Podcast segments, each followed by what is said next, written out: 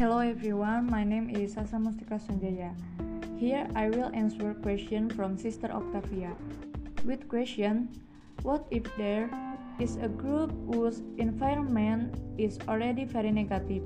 Can character education still change the group even though the negativity is very inherent in itself? And what method will you do if you face a group that is already very negative in character? Including the environment. Eko Budiarto, in his journal entitled Indonesia dalam Pusaran Globalisasi dan Pengaruhnya Terhadap Krisis Moral dan Karakter said, Changing the character is very difficult. Although that does not mean it can be changed. The character can be changed as long as there is the intention of the person to change or internal factor and other people to change or external factor.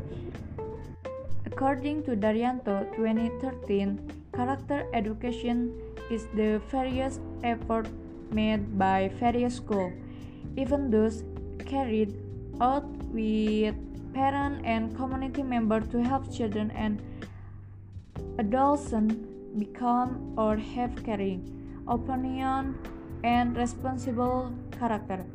From the above statement, I can conclude that character education can greatly change negative treatment for the better with encouragement uh, from oneself and from the surrounding environment. So many answers that I can convey. I'm sorry if there are mistakes and Thank you.